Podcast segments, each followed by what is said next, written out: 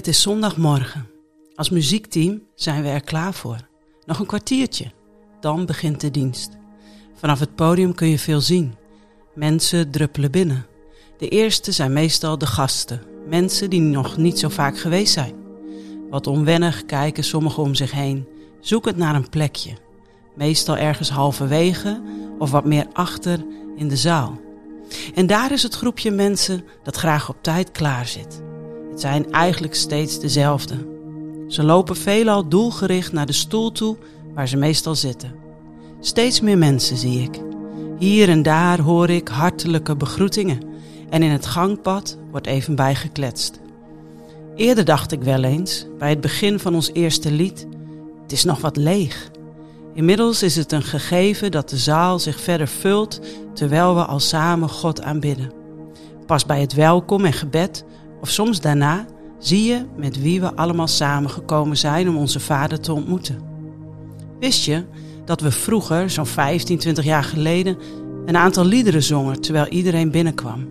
Dit was in de aanloop naar onze gezamenlijke ontmoeting met God, om ons daarop voor te bereiden.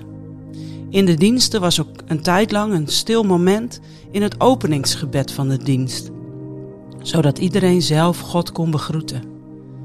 Oh, wat was ik vaak nieuwsgierig. En dan vroeg ik aan God, Heer, wat gebeurt er nu? Wat gebeurt er echt? Wat wordt er gezegd? Van hart tot hart? Een standaardgebed? Blijft het stil? Zijn mensen misschien nog aan het wakker worden? Of vindt u verwachting? Vindt u geloof? Hoort u ook overgave? Hier zijn wij voor u. In deze stilte, wat krijgt u nu van ons aangeboden en met welke gebeden wordt u ontvangen? Ja, vanaf het podium kun je veel zien, maar het belangrijkste zie je niet. Je kunt niet bij mensen naar binnen kijken.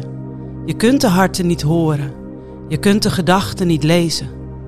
God kan dat wel. Gelukkig. Want juist daar gebeurt het van hart tot hart. Belangrijker nog dan wanneer we binnenlopen, is hoe we binnenkomen. Ooit las ik een liedtekst van een oud lied. De eerste regel vond ik zo mooi en wijs geformuleerd. Hij is me altijd bijgebleven. De eerste regel van dat lied was een vraag. Een vraag aan God. Een vraag voor de hele week en juist ook voor de zondagmorgen. Deze vraag luidt: Hoe zal ik u ontvangen? Hoe wilt u zijn ontmoet? Hoe zullen wij u ontvangen? Hoe wilt u graag door ons zijn ontmoet? Elke dag en ook op zondag mogen we daar samen respons op geven.